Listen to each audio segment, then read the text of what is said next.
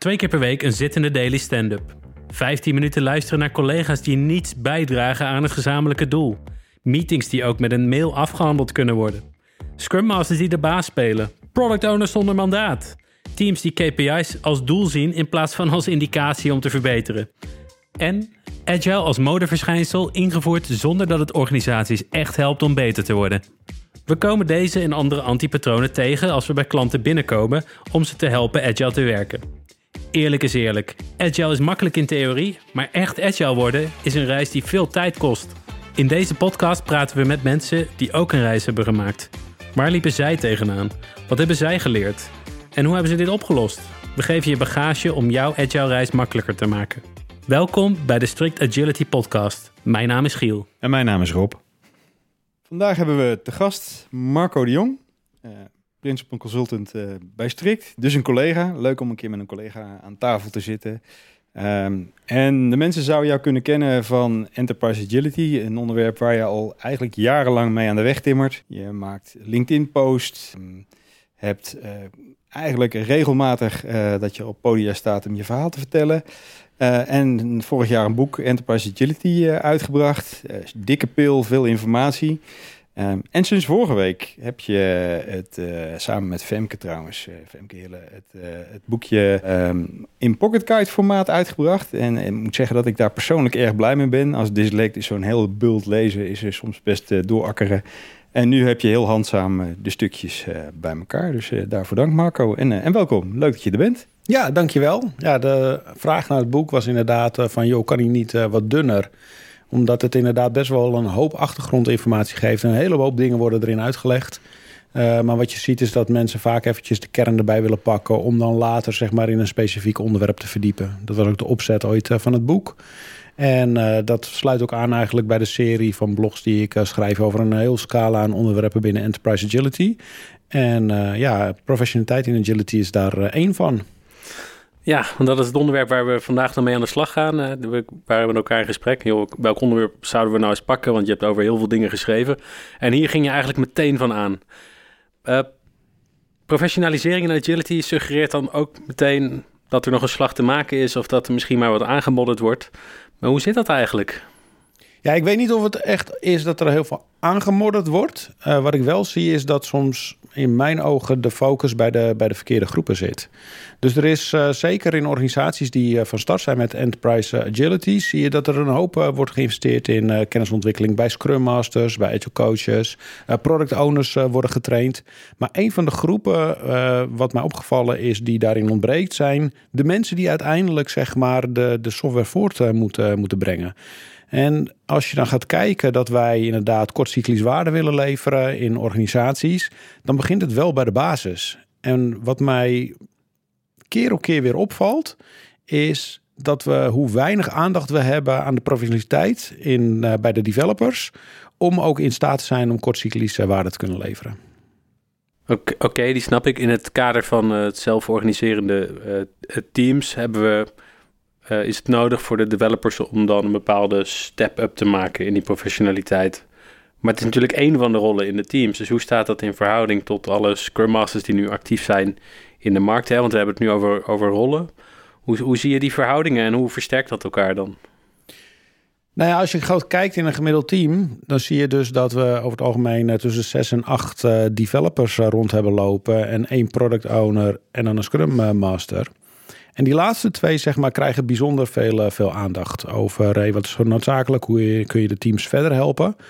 Maar hoeveel van de Scrum Masters zie je bijvoorbeeld die aandacht hebben voor coding practices die worden gehanteerd? Of de mentaliteit van het development team om bepaalde waarden te creëren? Of om juist ook af en toe nee te zeggen? En daarom was het ook, als wij geen aandacht hebben voor de mindset van de developers en wat ze doen, wat ze bereiken, uh, op de, uh, de houding die ze daarbij hanteren naar de organisatie, is de vraag of, we of wij inderdaad in staat zijn om die continu die waarde te kunnen leveren. Ja, dus als, je het goed, als ik het goed begrepen heb, zeg je dat met name ook de Scrum Masters heel erg hun best moeten doen om beter te begrijpen wat het werk is van de uh, developers. Dus ze iets snappen van coding. En door dat te snappen ook kunnen werken aan houding en gedrag van de developers om ze verder te krijgen? Moet ik me zo zien? Nou, ik weet niet of je het zo moet zien, want wat je nu doet is letterlijk wat er in de organisatie gebeurt. Hoe moeten we de mindset van de Scrum Master veranderen om de developers beter te kunnen coachen? En de vraag is, waarom geven we niet aandacht aan de developer zelf? Waarom helpen we hen niet met het gevoel van eigenaarschap, het gevoel van, van kwaliteitsstandaarden, zorg dragen dat development zeg maar echt weer een professioneel vakgebied is. Je zegt we, en wie is dan we? Want ik riep de, devel of de, de, de Scrum Master om te denken, ja, die wordt getriggerd om het hele systeem echt sneller te laten leren en beter, beter te laten worden. Dus mijn eerste inzicht zou zijn, laat die Scrum Master daar nou echt heel veel energie in steken om het verder te krijgen. Jij zegt, nee, wacht even, we moeten er tijd in steken. Dus niet specifiek die Scrum Master, maar wie is we dan? Hoe... Nou, we is eigenlijk in dit geval de, de organisatie om de development eh, teams heen. Dus de Scrum Master heeft daar zeker een rol in. Maar hoeveel van de Scrum Masters uh, zijn ook echt zelf uh, professionele softwareontwikkelaars geweest? En kunnen ook heel weinig, denk ik. Ja. Ik, ik zie dat te weinig. En dat betekent dat we ons af moeten vragen: hebben we dan de verkeerde Scrum Masters? Of hebben we iets anders nodig, waardoor zeg maar, die professionaliteit van, van die developers weer centraal komt te staan? Want dit zijn uiteindelijk de mensen om wie het gaat. Het is wel een interessante, hè? want, want moet behoorlijk wat, wat dingen kunnen. En het moet ook nog eens bij je passen. En je moet er intrinsiek gemotiveerd voor zijn om die rol goed uit te kunnen voeren. Uh, in, in hoeverre ligt dat bij de developers zelf? Of stellen we ook nieuwe mensen in staat om die rol te leren? En moeten ze dan bij kunnen leren? Mogen ze in het begin ook fouten maken?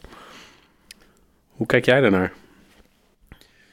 Ja, natuurlijk mogen, natuurlijk mogen ze fouten maken. Het gaat er meer om hoe beschouwen zij het vakgebied. Ben ik hier inderdaad om, om code te maken zoals ik het ooit geleerd heb? Of ben ik ook continu bezig met het professionaliseren in het vakgebied zelf?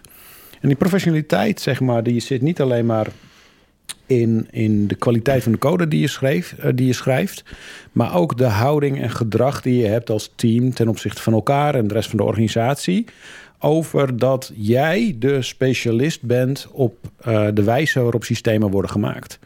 Hè, uiteindelijk zie je dus ook dat de, de development teams. Ja, die nemen echt die verantwoordelijkheid voor de, de output die ze genereren. De kwaliteit van het systeem, hoe die erin zit, wanneer kunnen we wel of niet iets uh, releasen. En daar heb je een aantal gedachtegangen heb je daarbij nodig. Van, van ehm, zoals ik ze dan noem, bepaalde ja, slogans of bepaalde stellingen die zo'n team echt veel meer tot zichzelf uh, neemt. Kun je daar wat voorbeelden van noemen? Hoe, zie, hoe ziet dat eruit? Ja, dat kan, dat kan ik zeker. De, dus um, uiteindelijk ben ik uh, gaan kijken met wat zijn nou een beetje de, de hoofdlijnen die we, die we tegenkomen in, in development teams. En je ziet bijvoorbeeld, op een gegeven moment hebben we een stelling ge, uh, hebben we opgezet als wij hanteren korte feedbacklussen. Dat zou eigenlijk in de genen moeten zitten van, van de development teams. En dat betekent dus dat als wij korte feedbacklussen uh, gebruiken, betekent dat dat wat wij leveren eigenlijk altijd klaar moet zijn voor gebruik. dus zodra je zegt met ja, maar wij, wij doen iets over meerdere sprints heen, ja, dan krijg je dus die korte feedbacklus krijg je gewoon niet, uh, niet op orde. En we willen dus, als we echte feedback willen hebben, willen we dus niet feedback of het systeem het doet, want daar zijn we verantwoordelijk voor. Maar we willen juist feedback hebben over het gebruik. Dus als wij kortcyclisch inderdaad productincrementen opleveren, ja, kunnen we dat dan ook in de, in de business testen? En hoe kunnen wij als developers inderdaad daarin meekijken om te zien hoe ons product ook gebruikt wordt? Waar lopen ze tegenaan? Uh, hoe krijgen we dat voor elkaar? Zodat we die feedbacklus vanuit de, de development uh, uh, groep, hè, vanuit de developers, dat we dat ook echt op, op orde hebben. Dat we daarmee dus ook veel meer gaan kijken naar welke oplossingen bieden we voor de probleemstelling die de, die de business heeft.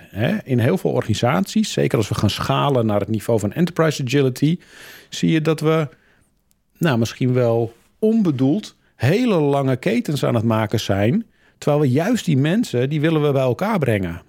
In de tijd dat, uh, dat ik inderdaad bij de politieorganisatie mocht helpen, hoe mooi was het dat mensen inderdaad vanuit uh, het, uh, het vakgebied in uniform gewapend inderdaad zaten te kijken hoe de producten die de teams opleverden uh, daadwerkelijk inzetbaar zijn. En dan pas krijg je echt feedbacklussen. Dus zo'n mindset vanuit een team van ja, we gaan niet kijken naar een product owner die inderdaad met een portfolio owner en met allerlei business experts zeg maar in zo'n keten informatie probeert door te sijpelen. Hoe krijgen we nou één op één het, uh, het gesprek erin? En hoe zorgen we ervoor dat er een, een, een focus is om zo'n feedbacklus zeg maar dan ook te verkorten. Ja. Zie je dan ook in teams dat uh, de developers echt enthousiast worden van gebruikers die hun spullen echt gebruiken en daarmee in de slag gaan? Of? Het is een mega verandering. Hè? Als je dus ook rondkijkt naar teams die een bepaalde mindset uh, hebben over uh, de ontwikkeling van een tool. Hè? Op het moment dat zij ja, een soort they don't care houding aannemen. Van joh, ik bouw gewoon en uh, ja, als het de tijd is, is het tijd en morgen weer een, een nieuwe dag. Is in één keer weg als ze de gebruikers in de ogen kijken.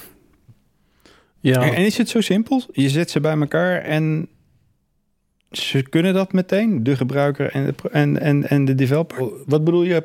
Nou, jij zegt in één keer is het effecter. Hè? En ik zeg, maar, maar, maar is, het een kwestie, is het echt een kwestie van we nodigen de gebruikers uit en het komt vanzelf goed? Of moet je daar dingen voor regelen zodat ze in de flow komen, van elkaar begrijpen, op het, dezelfde level met elkaar kunnen communiceren? Gebruikers en developers zijn echt twee volledige andere type mensen. En toch zeg je, als ze samenkomen, dan zien ze het vuur en dan ontstaat er enthousiasme. Exact. Het zijn precies de verschillende, het zijn precies verschillende mensen. Maar ze moeten wel, de een bouwt een oplossing die de ander in gebruik eh, moet, uh, moet nemen. Dus wat je dan vaak ziet is, moeten de gebruikers allemaal de technische uh, termen en, en de technische inhoud kennen? Absoluut niet moeten de, de developers exact weten hoe de business wordt uitgevoerd. Het is mooi als je er zicht op hebt, maar je hoeft niet alle ins en outs te weten. Het gaat erom dat de een inderdaad begeleid wordt in probeer eens goed te vertellen op welke wijze je dit gebruikt. Laat het eens zien, maak het toonbaar en, en uh, uitdagend. Terwijl de ander kijkt naar, oké, wat voor oplossingen krijgen we? Dus niet dat de gebruiker gaat vertellen hoe iets exact moet, maar dat juist op basis van zijn probleembeschrijving developers zeggen met... oh, daar hebben we echt fantastische technologie voor... die je daarin kan ondersteunen. Ja, ik, ik zie op die plek zie ik een hele grote toegevoegde waarde voor een Scrum Master die die twee bij elkaar brengt. En in het begin in ieder geval die dialoog op gang brengt, omdat het zo compleet andere type mensen zijn. Zeker. Eh, om ze te leren elkaar te begrijpen en geduld te hebben voor mekaars zienswijze. Vind jij dat ook een belangrijke rol voor een Scrum Master? Ik denk dat het een van de, van, van de core uitdagingen is van een Scrum Master. Hoe, brengt hij, hoe zorgt hij voor dat een team effectief in de organisatie zich kan opereren? Mm ja, dan ga je kijken met name naar, naar de focus die de Scrum Master heeft op, de, op het inrichten van een, of het effectief neerzetten van een team in een, in een agile organisatie. En daar is dit een hele belangrijke bij. Maar ik heb te veel teams uh, gehad en gezien waarvan uiteindelijk zeg maar, specificaties van dingen die ze moesten bouwen ergens zeg maar, werden opgestuurd. Zelfs de product owners was ja, het gewoon te weinig zichtbaar om te vertellen waar dit aan bijdraagt. En dan vinden we het gek dat een development team veel meer een gelaten houding heeft over wat ze, wat ze opleveren. Ja, ik, uh, ik zie dat in de praktijk ook wel, uh, wel terug. In ieder geval de developers uh, vaak ook wel gemotiveerd gemotiveerder raken als ze zien wat, waar stellen we de business dan toe in staat. Wat voor functionaliteit leveren we nou eigenlijk op en wat, wat, wat is het effect daarvan bij, bij de business. En de product owner zit daar op die scheidingslijn en die spreekt dan beide talen. wel even een klein stukje terug. Je zei iets over houding en gedrag van de, van de developers en dat dat dan ook een hoofdrol uh, speelt in dit verhaal. Maar uh, wat moeten ze dan eigenlijk doen? Welke verandering zie jij dat essentieel zou zijn om, uh, om in dit hele plaatje te helpen? Goeie, goeie vraag. Ik denk dat het met name zit over het feit dat ze een houding moeten hebben dat zij direct in contact willen, willen staan met gebruikers. Dus in plaats van dat ze verteld wordt om eens een keer die stappen te gaan nemen of een keer mee te mogen kijken, of zouden we misschien een keer een gebruiker, hoeveel van onze developers gaan, nou ja, laten we zeggen, maandelijks gewoon een keertje mee in het veld van, van daar waar zij software voor maken. Of dat nou inderdaad bij de politie op straat uh, is, of inderdaad bij de Belastingdienst, degene die zeg maar uh, fraudedetectie uh, doet. In al die omgevingen lopen ze gewoon eens een keer dag mee, waarbij ze gewoon kennis krijgen van het proces, de omgeving. En ook te, tegelijkertijd de geluiden opvangen met wat een gebruiker nu echt vindt van het systeem. En het, is, het heeft mij keer op keer verbaasd dat als we die twee partijen samenbrengen A, hoeveel de engagement in het team omhoog gaat. Uh, welke nieuwe ideeën er ontstaan. over de, de ontwikkeling, wat de mogelijkheden zijn, welke problemen eigenlijk onvoldoende getackeld eh, worden. En dan krijg je een heel mooi spectrum van ideeën, gedachtegoed, wat uiteindelijk weer, weer gescoopt moet worden via de, via de product owner. Maar er komen heel veel mooie ontwikkelingen uit uh, naar voren, inclusief ook de professionaliteit van het, van het team. Is dat ook wat je in je boek dan beschrijft als het begrip impact? wat we willen bereiken aan businesskant, dat ze dat goed snappen als uh, development team? Weten welke impact je maakt met wat je doet aan de kant van de gebruiker en de business? Absoluut, absoluut. Als jij, als jij aan een systeem werkt waarvan je hoopt dat mensen het gebruiken, maar je ziet het niet. En je hoort in de wandelgangen terug dat mensen er een bepaalde mening over hebben. Hoe demotiverend uh, is dat? Terwijl als je inderdaad, inderdaad echt in gesprek bent, ziet hoe dingen gebruikt worden, dan weet je waar je het voor doet. En dan ontstaat er een vibe in het team om echt de, de, de, de step-up extra te maken. En zo'n zo'n basishouding als hoe krijgen we dus die feedbackcycli die gewoon korter, effectiever en meer to the point zijn, is dus een belangrijke grondhouding in de professionaliteit van, uh, van developers, naast de kwaliteit van de code die ze maken. Je ziet in, de, uh, in bedrijven toch wel veel druk liggen nog op productiviteit hè, en op het sturen op, op, output. Nou, daar kunnen we uh, nog een boek over schrijven. Um, maar in hoeverre moeten die randvoorwaarden dan, dan in place zijn voordat developers echt aan die houding en, en gedrag zoals jij het beschrijft kunnen, kunnen werken en dat ze dat echt kunnen doen? Je zegt dat de productiviteit zeg maar dan een, een beperkende factor is, maar is stabiliteit uh, niet een van de eigenschappen van een professioneel development team? Zouden wij niet met z'n allen moeten vinden dat wij een stabiele productiviteit hebben? Dus dat is ook typisch zo'n slogan die we uiteindelijk als gemeengoed zouden moeten, moeten omarmen. Uh, dat wij als team niet zeggen, ja, de productiviteit is een gevolg van alles wat er in de organisatie gebeurt. Maar dat wij voor onszelf stellen en kunnen uitspreken, wij hebben een stabiele productiviteit.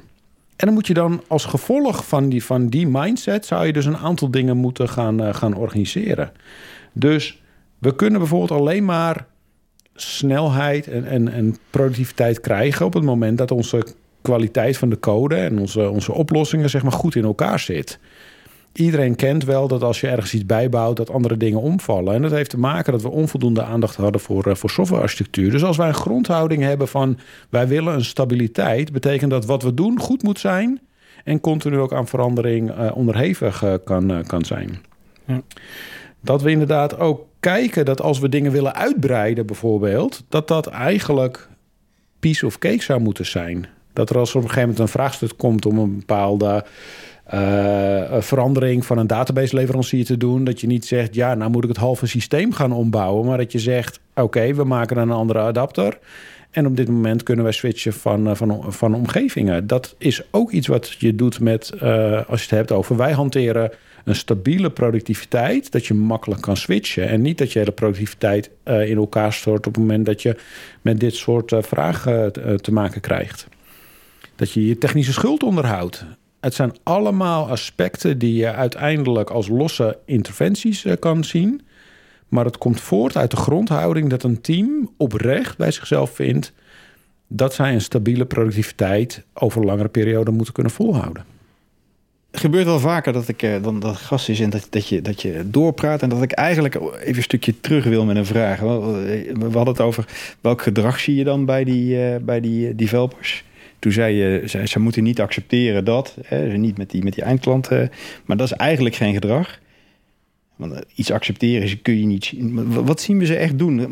Moet je dan denken aan dat een team zelf de interactie met de eindgebruiker opzoekt, zelf uh, gepland om daarheen te gaan, actief nadenkt over als een, demo niet bijgewoond wordt door klanten en gewoon niet accepteert dat dat niet gebeurt en dan actief instapt? Is dat de houding die je zoekt van een, van een team?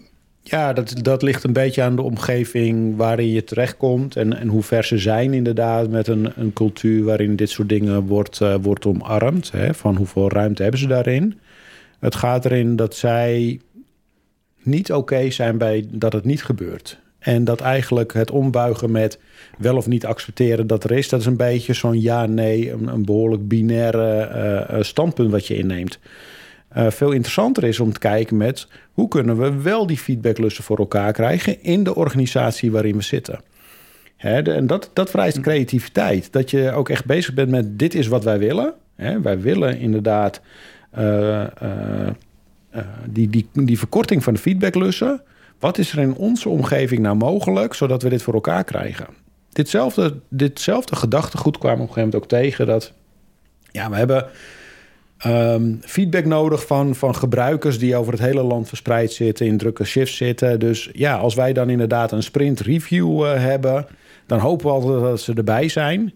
Maar dat is heel lastig eh, voor mensen om dan in hun dienst opeens niet op straat te zijn, maar dan een sprint review eh, op een centraal punt in Nederland bij te gaan wonen. Dat, dat krijg je heel moeizaam eh, gecommuniceerd. Nou, er wordt best wel over nagedacht met kunnen we dan een bepaalde vertegenwoordiging eh eh, vrij spelen, maar dan krijg je ook weer van één persoon krijg je feedback. Wat als je hem nou eens omdraait? Wat als je niet iedereen hier laat komen, maar dat het development team gewoon is in de lunchpauze, zeg maar, op de verschillende regio's mee gaat lunchen met de collega's die op dat moment ook een lunchpauze hebben. En gewoon eens aan tafel zitten om wat dingetjes te laten zien of te vertellen. Of, en dan feedback ophaalt. Dat is een andere manier van denken over hoe je iets waarvan je zegt: ja, maar als zij niet komen, doe ik het niet. Om kan buigen met hoe krijgen we toch die feedback op.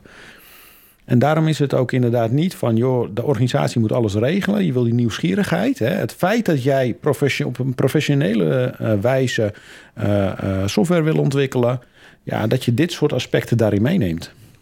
Oké, Marco. in, het, in het kader van de rollen, hè, we zien best wel wat ontwikkelen, ook op product owner gebied. Hoe kijk je daar dan naar? Wat is daar de, de professionaliseringsslag die we, die we eigenlijk moeten maken?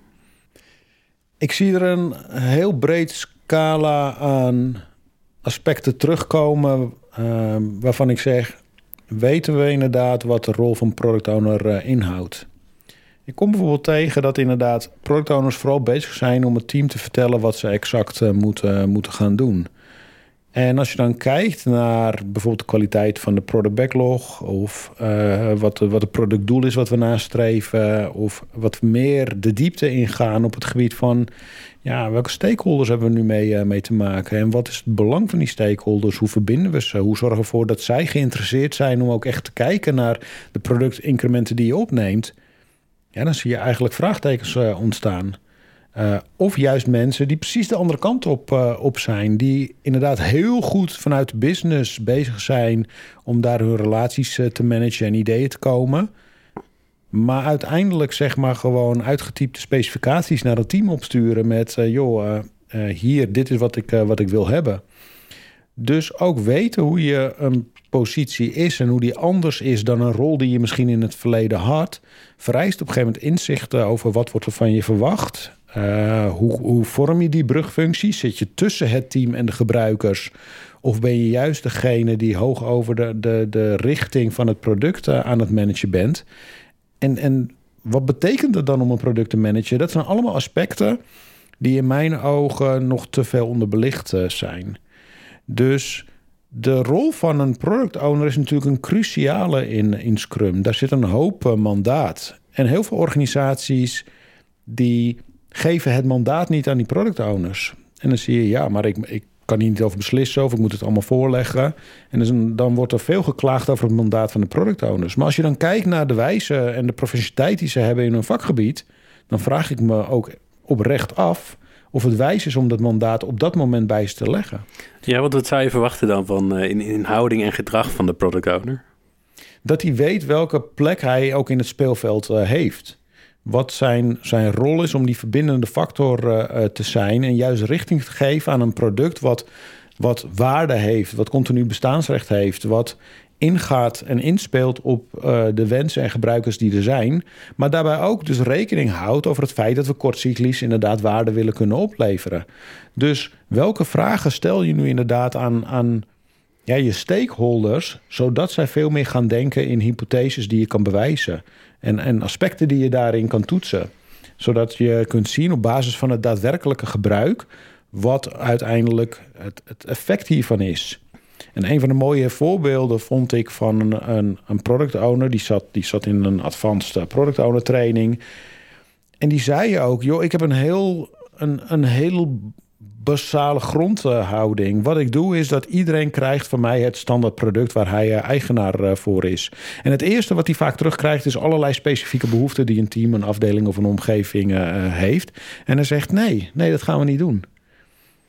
Je gaat eerst inderdaad zorg dragen dat je die basis inderdaad gaat gebruiken. Gaat het uitrollen, ga kijken wat de bevindingen zijn. En op het moment dat daar dan zeg maar eventuele aanvullingen voor nodig zijn uh, ja, dan gaan we kijken wat we voor je, voor je kunnen beginnen. Maar beginnen is alvast bij de basis, zodat je inderdaad het kunt laten indruppelen en mensen eraan kunnen wennen van deze manier van uh, omgeven. Dan krijgen we kwalitatief veel betere feedback. En ik vond het fantastisch om te horen. En ik zeg maar, maar waar, waar loop je nou tegenaan?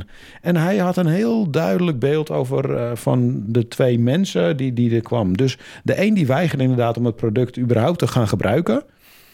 Um, omdat hij zei, ja, als we deze functionaliteit niet hebben, dan, dan hoef ik het niet. Uh, en hij zegt de anderen, ja, die begonnen te gebruiken. En dan moest ik zelf opbellen met: hey, ik zie het gebruik al zo toenemen. Hoe kan ik je helpen?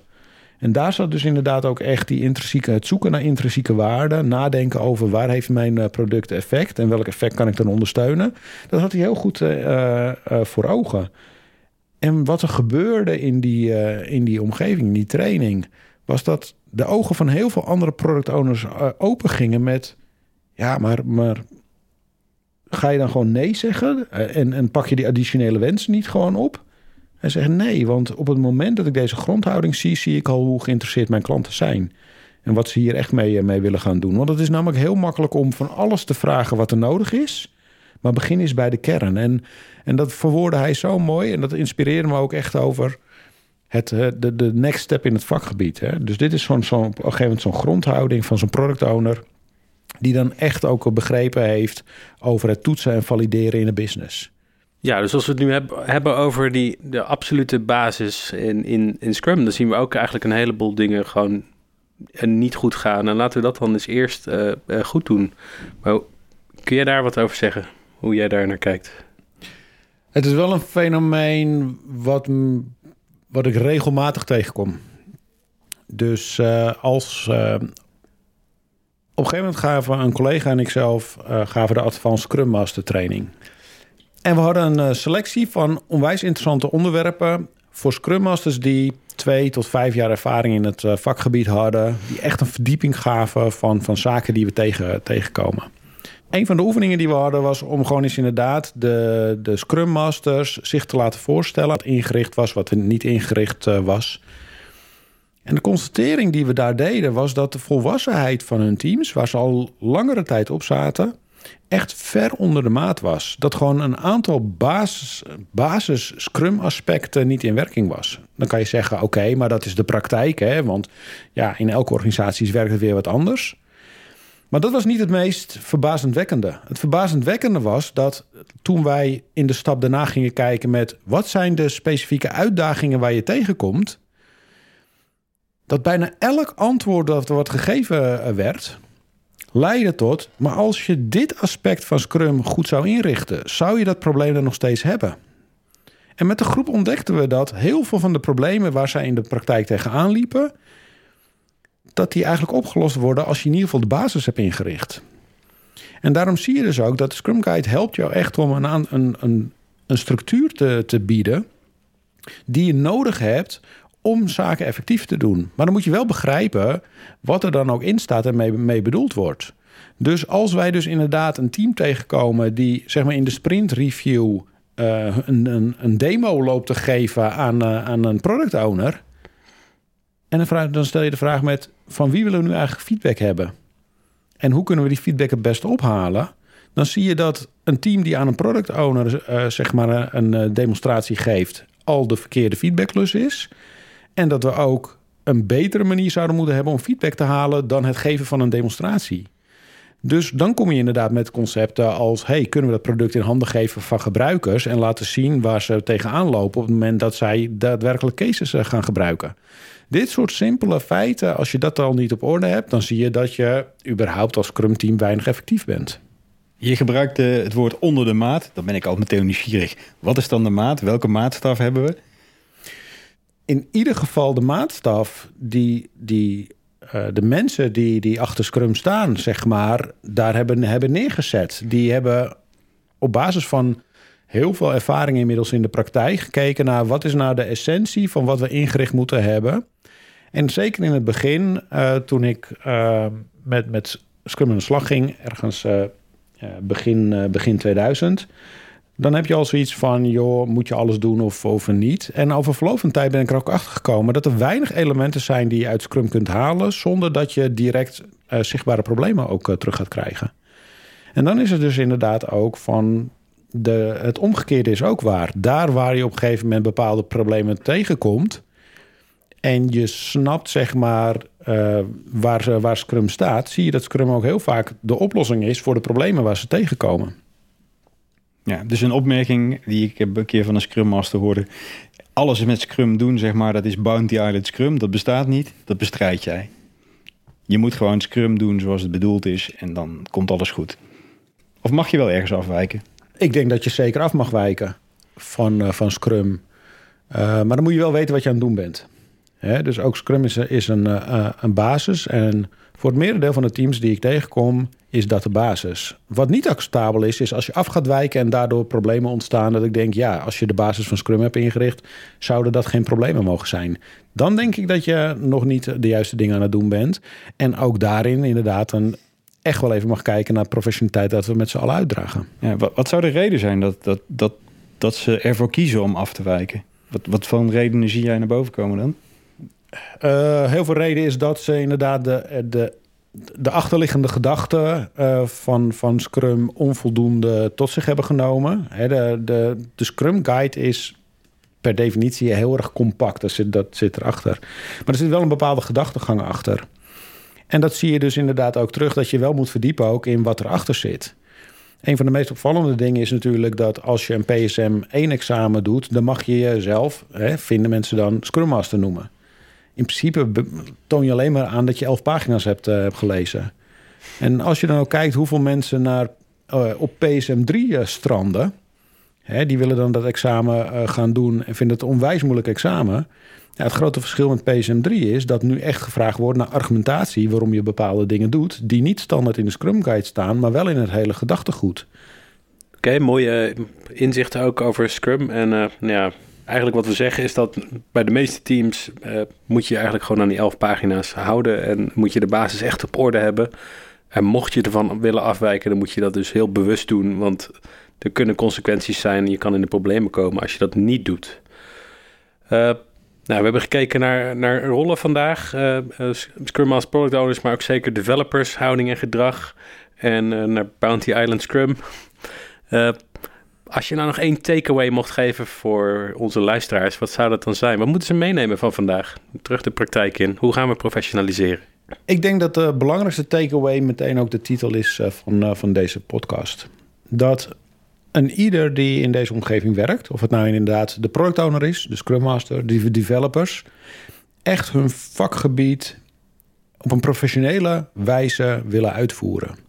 Een product owner die inderdaad niet parttime eventjes het erbij doet en, en dan wat dingen doorgeeft, maar zich echt eigenaar gaat voelen van een product, daar een visie neerzet, met zijn stakeholders inderdaad uh, om, om nieuwe mogelijkheden gaat, uh, gaat vragen, kijken wat de return on investment is. Of dat een, het inderdaad een scrum master is die kijkt niet alleen maar of we fijn eh, in het team met elkaar samenwerken. Maar ook kijk naar de effectiviteit eh, van het team. Wat is de aansluiting met, eh, met de product owner? Hoe zorgen we ervoor dat zij zich in hun competenties zeg maar, verder ontwikkelen? Dat er een soort vibe en engagement ontstaat. En dat ook de, het Scrum team effectief werkt in, in de organisatie. En ook vanuit developers. Hè? Dat het, het onderbelichte kind vaak, vaak in Scrum. Maar dat zij inderdaad een professionele uh, blik hebben op hun vakgebied. Die verder gaat dan alleen maar het neerzetten van, van code. Maar ook code die inderdaad schaalbaar is, die onderhoudbaar is, die, die aan verandering onderhevig eh, kan zijn. Zodat ze niet de legacy van de toekomst uh, brengen. Dus op het moment dat we veel meer met elkaar praten over de professionaliteit in ons vakgebied. Ik denk dat we dan zeg maar een hele grote stap voorwaarts maken. Ja, hey Marco, super bedankt voor deze uh, laatste takeaways voor onze luisteraars. Ja, super tof. Ik, vond het ook leuk uh, even met je bij te praten. Ja, met de, bij deze gaan we hem ook afsluiten. En uh, bedankt aan onze luisteraars weer en tot de volgende keer.